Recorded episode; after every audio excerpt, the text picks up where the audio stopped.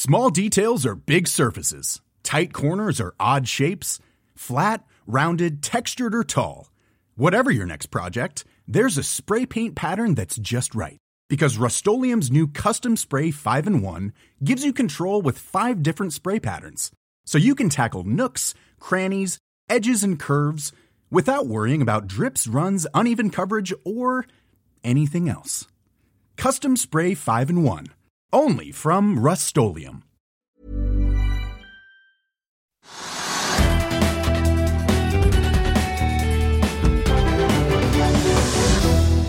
En riktig god fredag og velkommen til Økonominyhetene på den 16. september. Vi har en tettpakket sending klar til deg på tampen av uken. Vi hører fra både Trygve Hegnar og sjeføkonom Kyrre Knutsen om regjeringens nye strømstøtte til næringslivet. Så snakker vi med batterisjefen i Hydro, og vi ser nærmere på hvordan tyske myndigheter nå ser ut til å ta kontrollen over russiske Rosnefts eiendeler og oljeraffineri i Tyskland. Men først så må vi innom dagens store aksjenyhet. altså Kahoot, som er oppe 22,4 nå. Den har vært opp over 30% på det meste på nyheten om at japanske Softbank nå eh, selger ut alle aksjene sine som de begynte å kjøpe seg opp i i 2020. Og nå selges altså alt til det amerikanske fondet General Atlantic. Det er snakk om en aksjepost som tilsvarer da 15,02% av spill- og e-læringsselskapet. En aksjepost som basert på gårsdagens sluttkurs er verdt 1,3 milliarder. Vi vet ikke hva Softbank eh, selger for, det står det ingenting om i disse børsmeldingene og flaggermeldingene som har kommet, men det vi vet er at aksjekursen til Kahoot altså har skutt i været i dag. og Det hjelper jo på for en gruppe aksjonærer som har hatt det ganske tøft i en god eh, stund nå. Softbank selger i to omganger. Først 9 eh, som går den 26.9, og så skal resten av aksjene selges til Atlantic-fondet en gang i fjerde kvartal. Totalt er det snakk om 73,5 millioner aksjer. Får vi jo ta med da at eh, da Softbank annonserte at de skulle vri om på posisjonen sin å gå inn i såkalte terressavtaler eh, på Kahoot 26.8, så falt aksjen nesten 17 16,60 19 kroner og 14 øre. I går eh, var den opp et par prosent til 17,17. Og før da denne nyheten om salget til General Atlantic, så var Kahoot-aksjen ned 63% siden nyttår. Med dagens opptur så har det bedret seg til et fall på 55% og for de som slår opp i historiebøkene, kan vi da finne at aksjen var oppe på 137 kroner på det meste. Nå ligger Novaki rundt 21. Og Samtidig som Arctic Securities-analytiker Henriette Tronsen mener at en salgsavtalen nå fjerner salgsoverhenget i aksjen, så er eh, investor og aksjonær i Kahoot, Jan Haudmann Andersen sitt eh, selskap Datum, meget fornøyd med den nye eieren. Han sier selskapet besitter stor kompetanse og erfaring med vekstselskaper generelt, og denne type software-plattformer spesielt. Det blir teknisk analyse av Kahoot-aksjen og også Meltwater litt Eh, senere. Meltwater har jo denne uken varslet en strategisk gjennomgang av selskapets muligheter. Eh, og at de har hyret inn JP Morgan og DNB Markets eh, for å bistå dem i det. Hvis vi tar en titt på markedet generelt nå, så er hovedveksten på Oslo Børs ned en halvannen prosent til 1188 poeng. Det er den fjerde dagen med nedgang på Oslo Børs, og uken ser dermed ut til å ende i minus hvis ikke vi får et slags mirakel nå de siste to-tre timene. Sluttkursen eh, forrige uke var 1207,6, så vi har litt å gå på der hvis vi skal kare oss over det, altså. Rundt hos Europa så er det også rødt på alle de store indeksene, med en oljepris som er opp litt over 1% i spotmarkedet, der nordsjøoljen nå koster sött 70. Den amerikanske lettoljen ligger på 85,80. Futuresen på Wall Street de peker ned etter eh, fallet vi så der i eh, går. Vi fikk jo et veldig kraftig fall da tidligere i uken etter inflasjonstallene kom, som var det største fallet vi hadde sett da siden juni 2020. Og det er verdt å holde et øye på Fedex og andre logistikkaksjer i dag. Fedex falt jo kraftig i etterhandelen på Wall Street i går, 15-17% Det skjedde etter at selskapet rykket ut med et resultatvarsel hvor det både kom frem at det nå settes i gang store kostnadskutt, og at eh, Fedex trekker hele guidingen sin for inneværende regnskapsår. Rett og slett pga. den store usikkerheten i eh, markedet globalt og en oppbremsing i shippingvolumer som de både så utover sommeren og inn i august, og også som de forventer da utover høsten. Vi snakket jo mer om Fedex på Børsmorgen i morges. Og mer om det, så, eller Hvis du vil høre det, så finner du det i podkast-feeden din eller ved å gå inn på fi.no-tv.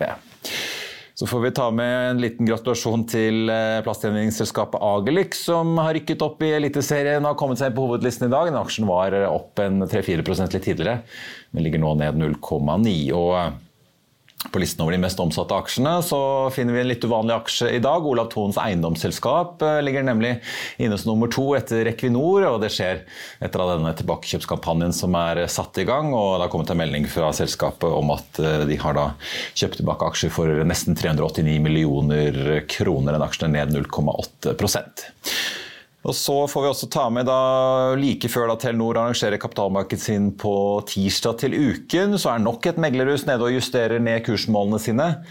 Barclays kutter fra 125 til 110, og tidligere i denne uken så, så vi Danske Bank ta ned sitt kursmål fra 125 til 115. Mens HSBC eh, kutter 10 kroner til 125, og Telenor er nede en halv prosent til litt over 105 kroner aksjen i dag. La oss i Finansavisen hjelpe deg med å holde deg oppdatert på alt som skjer i finans og næringsliv. Hver morgen er jeg, Marius Lorentzen, og aksjekommentator Karl Johan Molnes på plass i studio for å ta tempen på dagens marked i Børsmorgen. På ettermiddagen oppsummerer vi alt du trenger å vite i økonominyhetene, og så får vi selvfølgelig besøk av masse interessante gjester. Du finner oss på fa.no-tv, eller ved å søke opp Børsmorgen og Økonominyhetene der du hører på podkast. Etter mye venting og spekulasjon la altså regjeringen, LO og NHO frem en strømpakke i formiddag, i tillegg eh, til et forslag om å endre grunnrenteskatten på vannkraft for å gjøre det mulig for kraftbransjen å selge fastprisavtaler til flere, og øke tempoet i fornybarutbyggingen. Så legges det nå altså frem en tilskuddsordning og en lånegarantiordning på bordet. Vi fikk eh, Trygves kommentar til pakken for litt siden, bare se her. Trygve, nå legger altså regjeringen omsider får vi si, på bordet 3 milliarder kroner eh, etter at mange har ventet lenge på denne strømstøtteordningen for eh, bedriftene. Men det er noen begrensninger her. Man må ha en viss strømregning som andel av omsetningen på minst 3% og man får ikke mer enn 3,5 millioner kroner eh, totalt sett. Hva syns du om ordningen? Bedre enn ventet. Altså Man hadde regnet, regnet med at det kom en garantiordning, at staten ville garantere for lånet tok opp. Nå er det slik at Bedrifter som går dårlig, taper penger og er likviditetskris, de trenger ikke flere lån. Så det var en veldig dårlig løsning, og det var det man fryktet. Så ble det da, som du nå sier, så ble det faktisk da en uh, tilskuddsordning som er sikkert kjempebyråkratisk, og du skal gjennom masse rart. og Du får ikke, låne, du får ikke penger av staten før du kan dokumentere at du har drevet med da, etterisolering av solcellepanel og undersøkt litt og kartlagt alt som har med da, sparing av energi å gjøre. Kanskje det er fornuftig, men det krever en hel konsulentbransje for å gjennomføre det de snakker om. Det er to trinn for uh, tilskudd, og det er helt opp til tre. Opp til uh, 3,5 millioner kroner, tror jeg det var. Nå er det jo sånn, eh, Jan Christian Weste, næringsministeren, var ute og snakket om at de som fort bruker mer enn 3 av omsetningen på strøm, er jo bakerier, hoteller, museer. NHO er ute og sier at dette gagner jo veldig mange små bedrifter, men ikke de store. Hva tenker du om den reaksjonen? Burde det vært en bredere ordning som ikke på en måte gjorde så forskjell på om den var stor eller liten? Nei, jeg syns ordningen er ganske god, jeg. Ja. Altså, det, man, man, sier at man skal gi penger til 20 000 bedrifter, og da må liksom, man må avgrense litt. Grann. Og så tenkte jeg i første omgang det at uh, du må ha minst altså strømkostnader som er minst 3 av omsetningen for å komme inn under dette her. Det tenkte jeg var altfor lite, men det viser at de, veldig mange bedrifter er over de 3 prosentene. Så det er veldig mange bedrifter som kommer til å måtte kreve å få støtte. Og sannsynligvis langt mer enn de 3 milliardene kroner regjeringen har satt av. Så det er altfor lite. fordi at 3 det er jo ingenting, og det er veldig mange som da har 4, 5, 6, 7, 8 i strømkostnader i, i relasjon til omsetningen. De legger seg jo på et uh, nivå på, i første trinn her på 25 uh, eh, over uh, 70 øre kilowatten. Og det varer da oktober, november, desember. Tror du det vil komme et krav om at dette skal forlenges hele neste år, som jo Slagsvold Vedum har lovet oss private husholdninger at vi skal få i strømstøtte? Ja, de tre månedene er bare noe tull. Altså oktober, november, desember er en altfor kort periode. og er, Man får ikke begynt å regne engang. Og, og, så fortsetter da strømkrisen med høye priser inn i januar, februar, mars. Vintersportssteder som skal lage sne og hva det måtte være, hvor det er kaldt, treningsstudioer og alt mulig rart, bakerier. alt alt mulig. Alle kommer til å komme, og den, kommer, den, ordningen kommer til å bli forlenget. Men da får man testet den ut først. Da. Hvor mye strømsparetiltak har du gjennomført? Hva har du tenkt å gjøre? Hva har du kartlagt? Hvordan har du planlagt det? Hvis du har klart å lage en pakke som da liksom du leverer til myndighetene, så kan du da få da 85 øre mellom 70 øre og betalt pris, eller, eller 45% av 70 øre og betalt pris. Egentlig en ganske bra ordning, veldig byråkratisk, bedre enn ventet. Og veldig hyggelig for alle som selger isolasjon, solcellepaneler og varmepumper. Og... Ja, og konsulenter. Altså, som driver med solcellepaneltiltak eller ethvert et, et annet Enova-tiltak. da er du veldig heldig, kommer du heldig ut. Altså, for dette skal gjennom en prosess hvor du viser at du er flink gutt. Hvis du er flink gutt og sparer energi og sparer strøm, så får du kanskje litt penger, og da er du heldig. Da skal vi over til uh, dagens uh, første gjest, som nylig skrev i en kommentar at det egentlig er naturstridig å være økonom og samtidig rope på staten når bedriftene sliter. Men som konkluderte med at støtte må til, og det har vi jo nå fått. Så i tillegg til å si velkommen, kan jeg også bare en gang spørre hva syns du om forslaget Eh, SR-Bank der nede i Rogaland. Først og fremst, Marius, tusen takk for å få være med på et flott program. Eh, bakteppet er så du sier at eh, her er det en del bedrifter som opplever en enorm strømkrise, og med et bakteppe av en energikrise. Så og Når forslaget nå kommer, så er det jo på et vis det mange har bedt om, og som Trygve nevnte litt tidligere her, eh, litt på den positive siden også i forhold til at man åpner opp støtteboksen. Eh, hvis det er noe man kan eh, tenke at er bra, så er det det at de gjør det, og det kommer òg en likviditetsordning. Det er òg sterke insentiver til energieffektivisering, at du virkelig får betalt, hvis du, altså mer betalt hvis du får støtte. Samtidig så er det sånn at 3,5 millioner kroner da, maks per bedrift. Altså, Jeg har snakket med bedrifter som har strømregning på 60-70-80 millioner kroner. Så, så det, det, det, og det er vanskelig, for det har med EU-støtten og alt dette å gjøre. Men at det vil være en del bedrifter her som har behov for uh, mer støtte, og at det vil bli en diskusjon på Stortinget på mandag, det virker nokså åpenbart. Ja, for NHO har jo allerede vært ute og sagt de er kritiske, selv om de sto på podiet der og lanserte pakken. Da. At de er kritiske til at større bedrifter på en måte da blir jo litt rammet skjevt her, fordi taket er satt nettopp på 3,5 mm. millioner eh, kroner. Kunne man utformet dette på en annen måte, eller er det de små som i realiteten er hardest rammet her?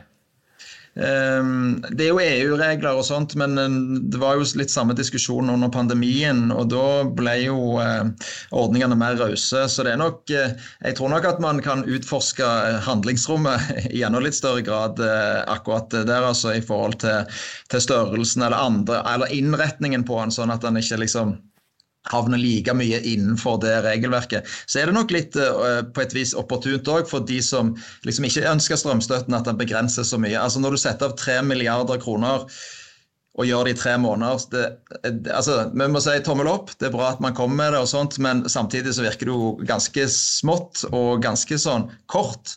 Og så er håpet da at denne her fastprisordningen der de har på plass nytt regelverk fra 1.1, at det skal fungere perfekt. Men det, det, det avhenger jo av flere ting. Det ene er liksom at man sånn teknisk sett er på plass, at selskapene er i ferd med å begynne å konkurrere, som næringsministeren sa, allerede nå begynner å konkurrere der ute.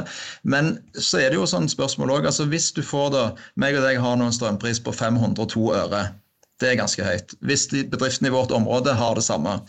Ja, Hvis fastprisen er 502 øre i ti år, da. Det nytter jo ikke at du får fastpris hvis den prisen åpenbart er veldig høy. Så, eh, så det er noe rundt det òg som jeg tror man liksom ja, Det er et forslag som skal diskuteres og sikkert justeres. så Det blir spennende å følge den videre gangen i det. Og ja. Både, ja, både, støttepartiet SV er jo kritiske, og opposisjonspartiene. Så, så, det kan bli en veldig spennende diskusjon på, på Stortinget på mandag. Utvilsomt. Jeg tror jeg, altså jeg, måtte nesten sjekke, for du sitter jo i den regionen av landet, i Rogaland og på Sør-Vestlandet, hvor eh, altså Egentlig går jo dette fra omtrent Drammen vel og sørover, men, ja. men, regionen av landet som har hatt høyest priser. Men nå sitter jo vi faktisk i samme båt her, for jeg så det var 3,21 i dag før påslag og avgifter, og det skal bli 2,62 i morges, mens trønderne og nordlendingene de ligger på 30-35 øre, så det er jo enorme mm. forskjeller. men Altså, Hydrosjefen hadde vel ikke bygget noe nytt aluminiumsverk hvis det var 3-4-5 kroner kilowatten eh, som lå i bunnen i kalkylen, selv om det var en fastpris på ti år? Ja, ja. Altså, jeg, jeg, brukte jo eksempel her i den artikkelen som nevnte med, liksom, det er jo som, For noen av oss så er det som om styringsrenta skulle blitt 60% over natten eller om bensinprisen skulle blitt 400 kroner literen. Og Hvis det hadde skjedd, så hadde det helt åpenbart blitt rabalder, for å si det sånn, og, og veldig mange bedrifter hadde blitt påvirka av det. De geografiske forskjellene er nå en kjempeutfordring. Du vet Marius, at For over 100 år siden så hadde vi regionale renter i Norge. Sant? Det har vi ikke lenger. Det er jo ingen økonomer som ønsker seg tilbake der. Så Strømmarkedet er et veldig spesielt marked. Det er veldig strengt regulert. Og, og en, på en måte, Vi får jo virkelig vise utslaget nå av at vi har ikke ordna dette her på en god nok måte. Så vi må jo sikte mot at det blir en lik pris i hele Norge. Så Det ene er det regionale, det andre er også det bransjevise. Rogaland er sikkert det fylket i Norge nå der du har størst forskjell på de som gjør det bra. For har Equinor og mange andre, der, og, og vi har kraftselskaper òg som tjener veldig mye penger nå når energipriser er høye. Eh, men så har vi jo på en måte også vært vant til stabilt ganske lave priser. Og så det er òg liksom en del bedrifter som er motsatt henne, som bruker mye energi, da, som nå rammes veldig hardt av de høye strømprisene. Så det skaper jo en veldig sånn, sånn spredning i, i næringslivet. Ja, for å si litt, eh, vi har jo, i hvert fall De av oss som var på oljemessen ONS i Stavanger, eh, kunne jo åpenbart, eh, og vi har sett i regnskapet nå i en god stund nå at pengene renner inn i olje- og gassnæringen. og Det hørte man jo på Pareto-konferansen nå. Men, men, si litt fra Sør-Vestland, hvordan ser det egentlig ut? Vi hører jo altså Vi ser jo reportasjer på Dagsrevyen om bønder som bare pløyer i stykker all maten sin, for de, ikke, de, kan ikke ta seg råd til å sette grønnsaker og frukt på kjølelager og sende til butikk, så de må bare på en måte la det råtne. Man hører jo om renserier og bakerier og andre som sliter, men eh, hvor på en måte ille er det egentlig der ute, da? Altså, hvor, hvor alvorlig er dette for eh, det brede norske næringslivet og da implisitt også da norsk økonomi? Mm. Altså, nå, nå, nå, blir det jo sånn at For Norge, siden vi er nettoprodusent og nettoeksportør, eh, stort sett, altså i hvert fall energi, da, hvis du tar alt samla, så er jo høye energipriser på en måte bidrar jo til mer penger i, i statskassen. og sånn sett kan man si Det, det er et pluss foran det for Norge samla. Men det blir enormt store forskjeller. og Én ting er eh, dette med gulrøttene, og alt sånt, så det, men hvis du tar eh, kjøttproduksjon eller fiskeproduksjon, store mottak da, i, i Sør-Norge som, som nå vurdere, må vurdere om de skal leie svære båter for å frakte det opp til Nord-Norge, eller Midt-Norge, da, for å sant, først omtrent eh, gjerne frakte liksom, kveg levende opp der, og så få slakta det der og partert og sånt, og så, slakte, og, og så frakte det ned igjen. Så du får jo noen sånn helt merkelige utslag som følge av, eh, av strømprisene. Og jeg, jeg tror også at, og det nevnte Trygve òg i forhold til størrelsen på dette, at for en del så brenner du penger så fort nå at du nesten bare må, du må nesten bare stenge ned så fort som mulig hvis du ikke liksom får tilstrekkelig støtte. Og En del av disse aktørene de er åpenbart større enn at det vil hjelpe med 3,5 million. Og hvis du brenner veldig mye penger, så nytter det ikke heller bare med likviditet. Altså Hvis du nærmer deg stupet, så ja, ja, det er jo ganske vilt. Jeg hørte referert at det var noen av de skarpe regnehotene i Pareto som hadde kjørt en, en, en kalkyle på scenen fra, på konferansen om hva det hadde lønt seg å bygge en batteriferge som bare gikk på kryss og tvers av Sognefjorden mellom da, disse to eh, regionene, Vestlandet og Midt-Norge, og rett og slett bare ladet på den ene siden og solgt strømmen i nettet på den andre siden. og Det var visst eh, et skip som har blitt nedbetalt på relativt kort eh, tid. så det er jo enorme spredder her. Men vi ser jo også når kraftprisene begynner å tikke oppover i Nord-Norge, selv om det fortsatt er 30-35 øre, så mm. har det jo vært uh, mye lavere. Er det sånn at uh, nå, kom, nå, kommer Nord-Norge etter å få smake litt av den svien vi her i sør har levd med nå? Eh, altså, jeg, jeg har ikke sett så nøye på liksom akkurat hvordan kraftbalansen er, men på, på, det verste så måtte de jo tømme magasinet, vannmagasinet fordi de rant over, og da var prisen null. Så det, så det har vært en sånn helt sånn enorme forskjeller i magasineringen rundt omkring i Norge òg. Eh, og i sånn I utgangspunktet så skulle det tale for at de fortsatt er, har, har, høy vannstand, og sånn sett at det ikke er like stor fare der for så høye priser som vi har hatt her nede i Sør-Norge, der som eh, magasinene mange steder har vært eh, veldig lave. Så, um, men noe høyere priser. Så, så, er det jo liksom hva er normalt? Altså Grunnen til at jeg skrev den artikkelen om strømstøtte, er jo nå at sant? Du husker jo godt de siste ti årene 35 øre er det vi har betalt bare liksom i den selve eh, for kraftprisen. da. Når den da stiger sant, til 100, og så ok, vi kjenner det, men ok, det er fortsatt innenfor hva vi kan håndtere. Den stiger til 150, til 200. Liksom, når den passerer 3 kroner og 50 øre, da er det ti ganger så høyt som normalt. Da tenker jeg at liksom, nå begynner det å bli drøyt. Når den kommer opp i da 10 kroner, som er da 30 ganger høyere enn normalt, så er det liksom åpenbart at markedet er helt utenfor kontroll. På det verste Marius, så var altså strømprisen i Sør-Norge da 1100 ganger høyere enn i Nord-Norge. Tenk hvis styringsrenta i Nord-Norge f.eks. skulle vært 1100 ganger enn i Sør-Norge. Da tror jeg jeg kan si at det hadde blitt uh, ramaskrik. Men det, jo, det pågår også en debatt da, på en måte at uh, en ting er at det har vært en veldig sånn sjokkartet økning nå, men det pågår en debatt om på en måte, ja, har disse industrianleggene og bedriftenes livets rett hvis ikke de kan overleve på en mer gåsehøyne europeisk strømpris enn det vi er vant med her i Norge. Hvordan tenker du over det? Du sitter jo i et, en del av landet hvor det er svært mye industri som er eksportrettet, og har jo sørget for store inntekter etter landet i lang tid, som nå er under ganske heftig press, i hvert fall hvis dette fortsetter og ikke gir seg? Mm. Nei, det, er klart, Noen av de har jo fastprisavtaler. Du nevnte Hydro. og sånn. Typisk De store kraftkrevende har jo fastprisavtaler som går over en del år, som skaper forutsigbarhet. Og De som ikke har det, de må jo nå vurdere om de skal gå inn på fastprisavtaler, om det da lønner seg. Og så er det jo sånn at Av og til når du leser mediebildet, så lurer du jo på om liksom Uh, ja, hvor høye skal, ja, Hva skal du legge til grunn da for en strømpris framover? Det er jo det som har vært det, liksom, det, det store usikkerhetsmomentet. Hvis du skal etablere deg her i sør, skal du legge til grunn 10 kroner kilowattøren som det var på det høyeste, eller skal du legge til grunn 35 øre som det har vært?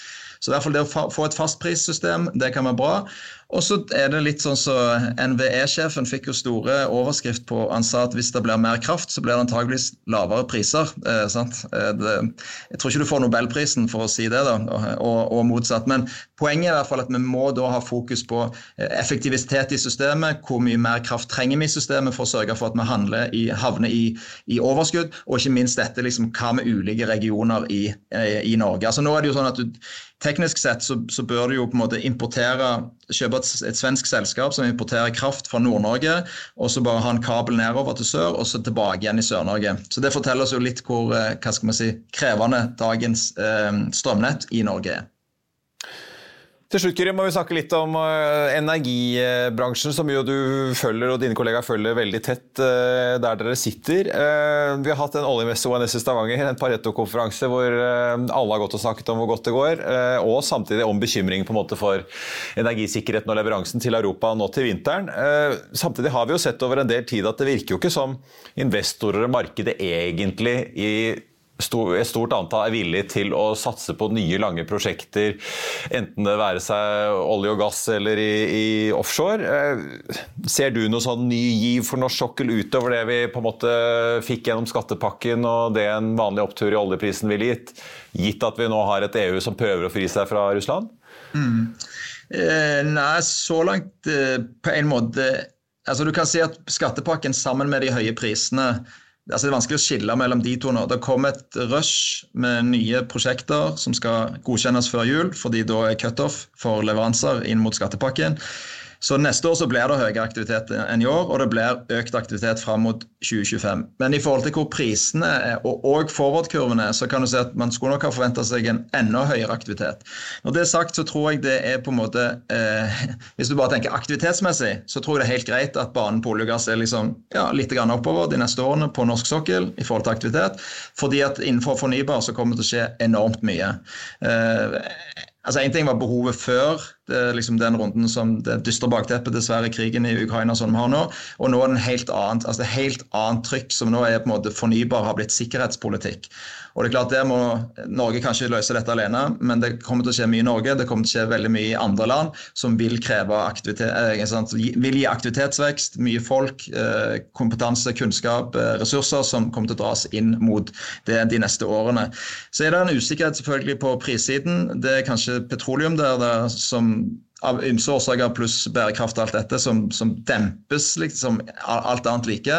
Men jeg tror òg i forhold til på fornybarsiden så handler det veldig om å få tak i nye, gode prosjekter. For det mangler egentlig ikke på teknologi. Jeg tror ikke det mangler kapital heller. sånn hvis du ser litt stort på det. da. Det mangler egentlig på hvordan kan vi skalere nok fornybar produksjon på ja, de nærmeste årene for å avhjelpe både Europa, men vi kan jo også si at liksom, de høye strømprisene i Norge er jo et, liksom, et reflekterer at vi, at vi må ha mer her òg.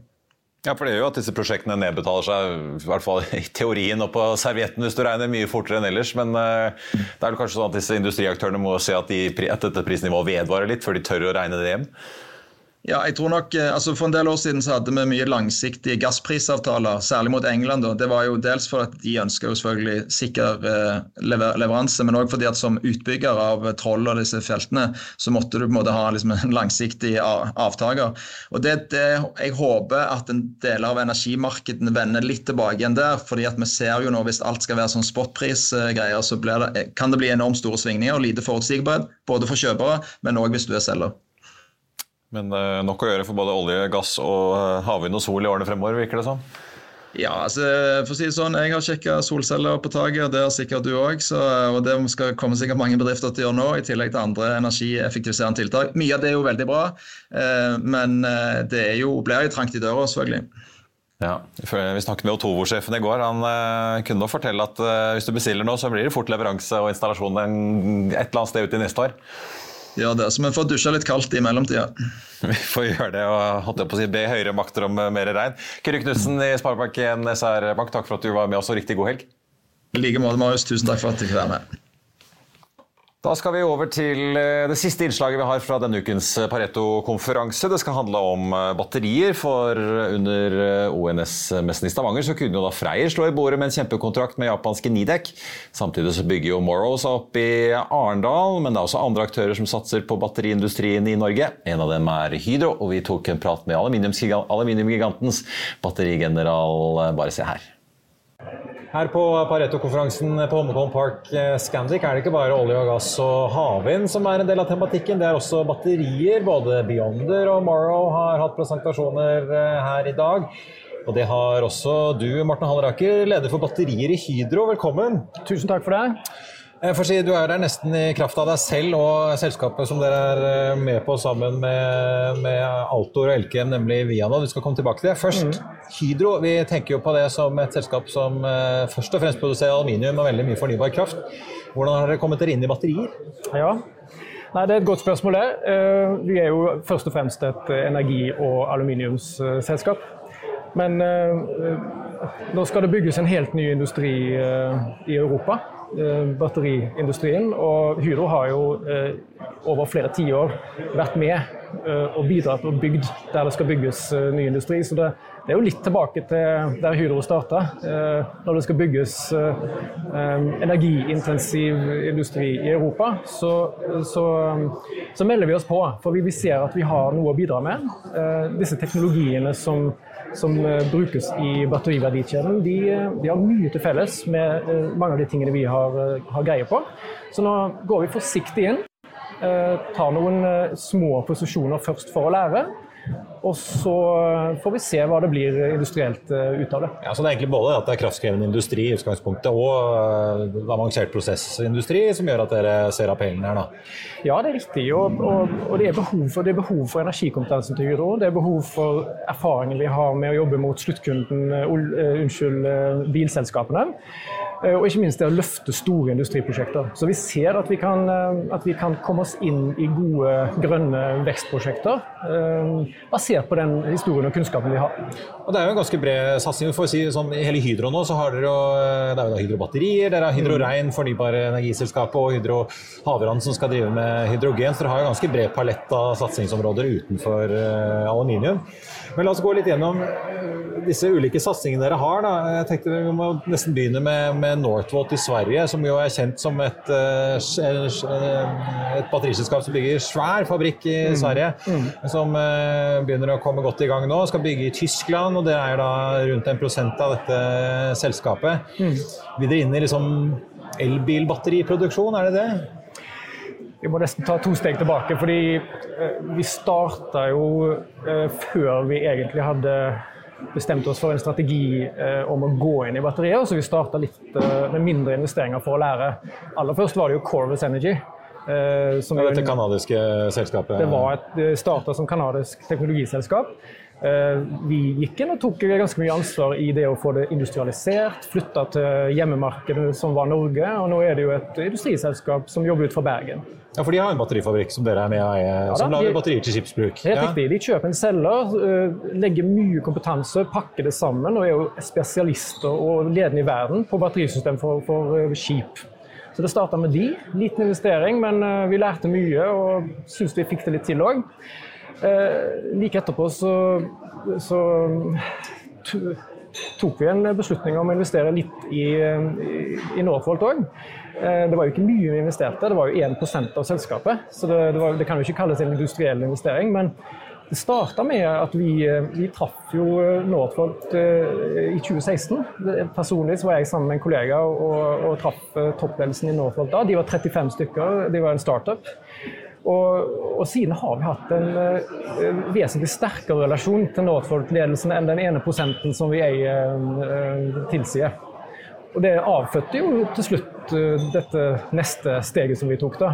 Hydrovolt, som er en joint venture med Northvolt. 50-50 Hydro og Northvolt. Og der har vi jo satt opp en industriskala pilot for resirkulering av bilbatterier i Fredrikstad.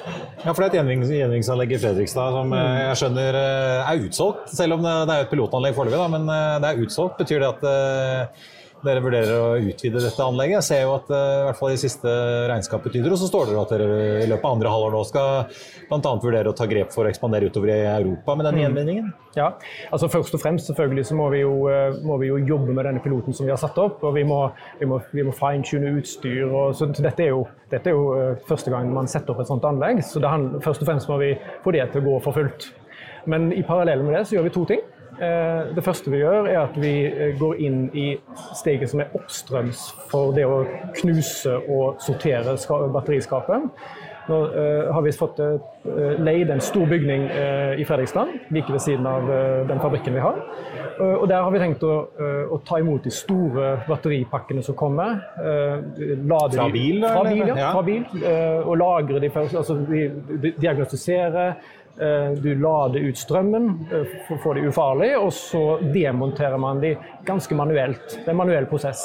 Det er en viktig del eh, av, av prosessen med resirkulering. Så det er det andre prosjektet vi, vi fokuserer på i Hydrovolt. Og det tredje er jo da det som er kjent, at vi, vi har jo lyst til å gå Vi skal jo til Europa. Altså vi, vi er allerede ledende i Europa med denne tidlige uh, investeringen vi har tatt. Og vi er kommet langt i, eh, på veien mot å få å sette et eh, fotavtrykk i Europa òg. Men det, det, er litt tidlig å annonsere noe. Ja, for det, Norge er jo tidlig ute med elbiler. Vi har jo masse elbiler på veiene som om jo antageligvis om noen år eh, vil begynne å resultere i ganske mange batterier som enten repareres litt eller gjenvinnes mm. for å kunne bli til nye batterier. Når er det dere må ha, på en måte agere og handle for å være posisjonert for å kunne ta en markedsandel, da, først i Norge, men også mm. ikke minst da, i Europa, når uh, gamle europeiske elbiler begynner å komme inn mm. til skraphandelen?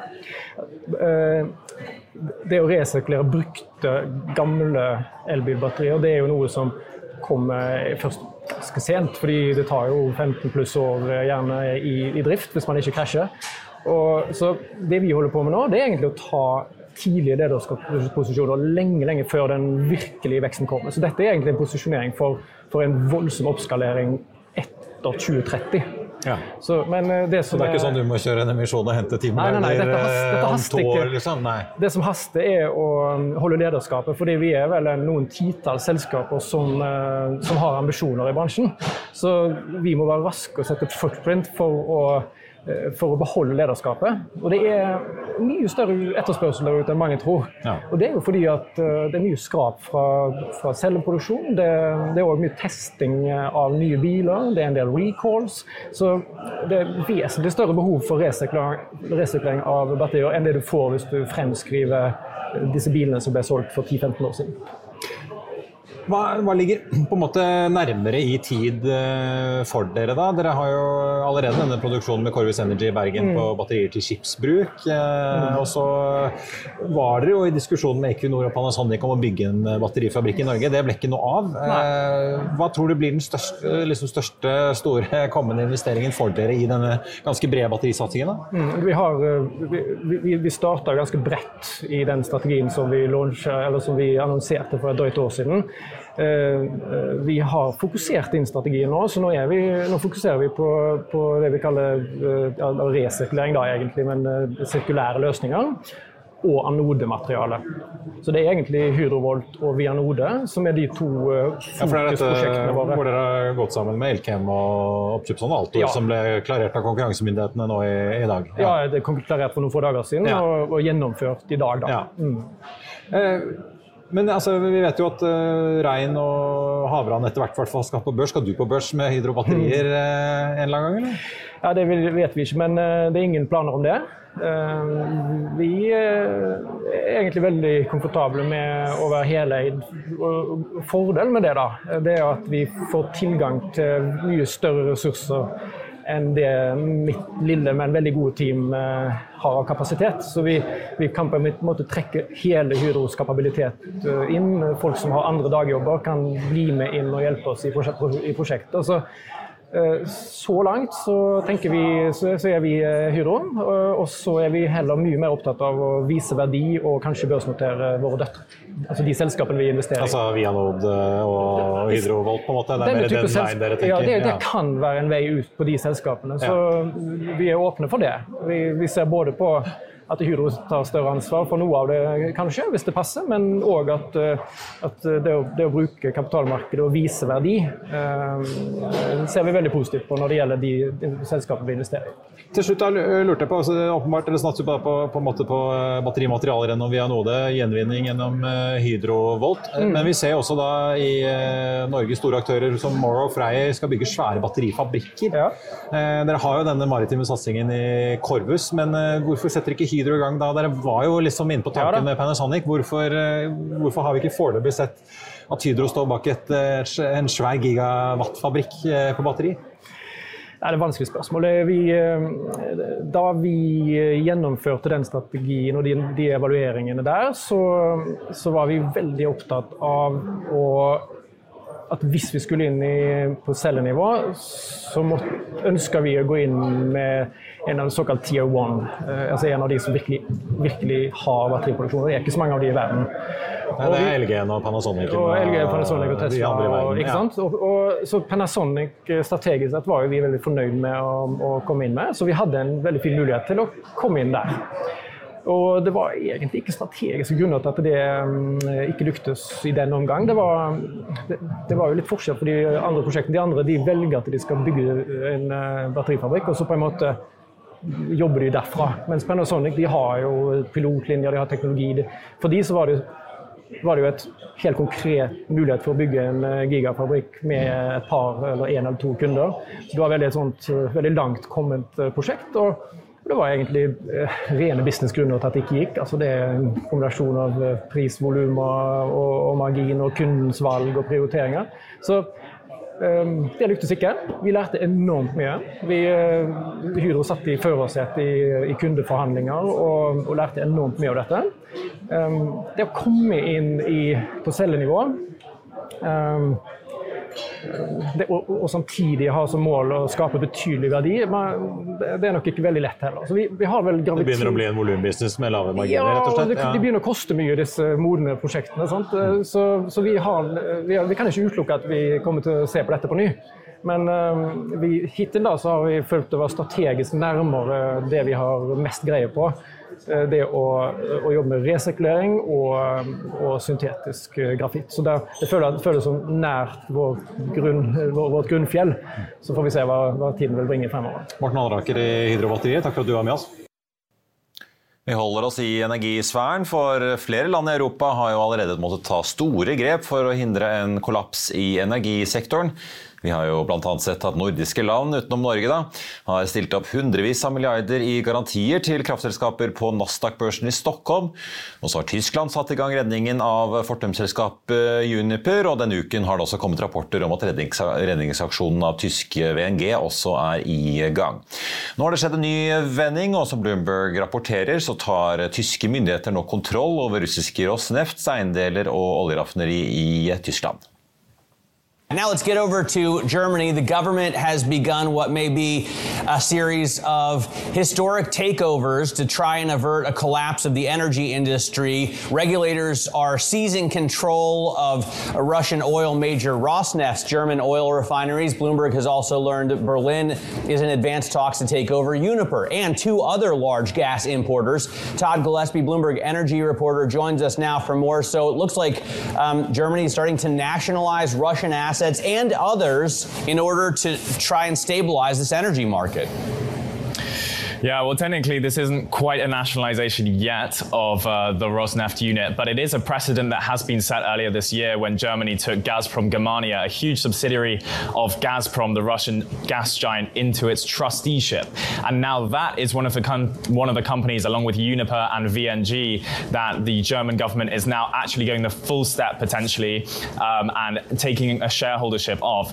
But in Rosneft's case right now, Germany's looking forward to the end of the year where it's looking to uh, essentially end all crude imports from Russia um, as a result of sanctions on Ukraine. But now it's asking, hang on, if we've got this Russian infrastructure, can we really guarantee that we're going to get the oil for it if it's still owned by Russia? Mm, okay, and so that explains why the, Raz, the, the Rosneft move, the, the, the, taking on of those Rosneft uh, assets by the German government. Uh, Todd, what about on the gas side then? Because there's Uniper and a couple of other businesses that you just mentioned. We seem to be talking about this, whether they'd be nationalised for quite a few days, maybe weeks now. What's it is complicated. I suppose that's why it's taking so long. Yeah, it's really complicated. And in Uniper's case in particular, you've got a company that is essentially sort of 78% owned by a Finnish state-owned company. Fortum. So yeah, exactly. So you've got a really kind of odd, complex uh, situation here. Also, if you think about the political implications of this, you've got the Finnish taxpayer that has essentially been sort of supporting and funding this company that has been subject to Russian domestic energy policy. So if you think about Russia's over or German, Germany's over dependence on Russia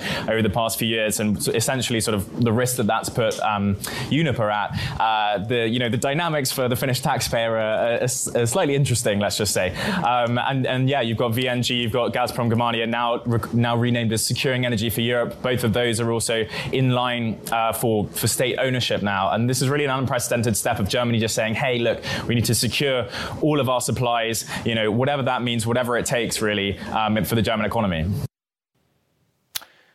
På tampen av sendingen så tenkte jeg vi skulle ta med litt uh, andre aksjenyheter som er verdt å få med seg. Uh, Canopy Holdings, også kjent som Skitude, dette skiteknologiselskapet, ned 3% på meldingen i dag om at uh, finansdirektør Ivar Blekestad altså trekker seg, og selv om han vil være tilgjengelig for selskapet, altså, trekker seg som finansdirektør og vil da søke andre karrieremuligheter. Og Så får vi også ta med Doff, som er opp litt over 1 i dag. De har sendt ut innkalling til obligasjonseierne for å få forlenget av denne standstill-avtalen som trengs for å få gjennomført den foreslåtte restruktureringen. og Denne standstillen som er i dag, gjelder jo da ut september, og da Doff ønsker jo da å i hvert fall få denne standstill-perioden til å løpe ut eh, oktober, potensielt også november måned. Får vi også ta med Hexagon Purus. Dette datterselskapet til Hexagon Composites eh, melder om at de har eh, sikret seg ordrer på 60 millioner kroner omtrent, da, som en oppfølging eh, til en avtale med polske ZE Pack Group og hydrogendistribusjon og mobil fylling. Det er jo da Polens største privateide kraftprodusent, dette her. Og gjennom denne påfyllingen i ordreboken så er da totale, den totale ordren hos polske ZE oppe i da rundt 130 30 millioner kroner. Ellers på børsen, Kahoot opp 22% fortsatt, og Meltwater ned 5 også. Kahoot eh, stiger jo da voldsomt på nyheten om at Softbank eh, selger aksjene sine til amerikanske General Atlantic. Hovedveksten ned halvannen prosent på tampen av uken, altså, like før eh, det er Slutt i handelen for uken. Nordsjøoljen på 91,83 opp en drøy prosent. Ellers er det jo eh, verdt å merke seg på listen over de mest omsatte aksjene. Så ligger Aker BP i null, Vår Energi opp 1,3, mens Equinor er ned 0,9. Litt uh, sjømataksjer har vi også på toppen her. Movi ned 0,7, mens Hydro da ned 2,5 Vi så i går en del resultatvarsler fra amerikanske metallselskaper både innen stål og aluminium som snakker om marginer som er er eh, under eh, press.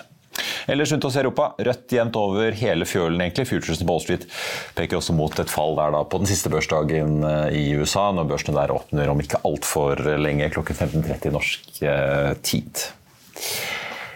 Og Det var det vi hadde for deg nå i dag. Så får jeg bare minne om at i Finansavisen i morgen på lørdag så kan du lese om industrianleggene som ingen vil ha i sin egen bakgård.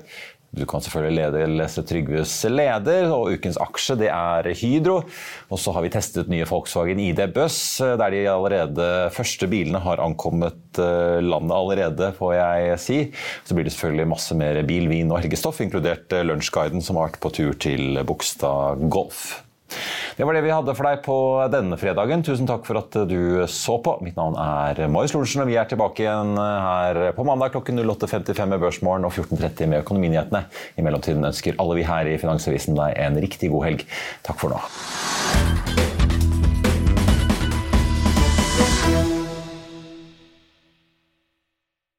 Økonominyhetene er en podkast fra Finansavisen. Programledere er Marius Lorentzen, Stein Ove Haugen og Benedikte Storm Bamvik. Produsenter er Lars Brenden Skram og Bashar Johar. Og ansvarlig redaktør er Trygve Hegnar.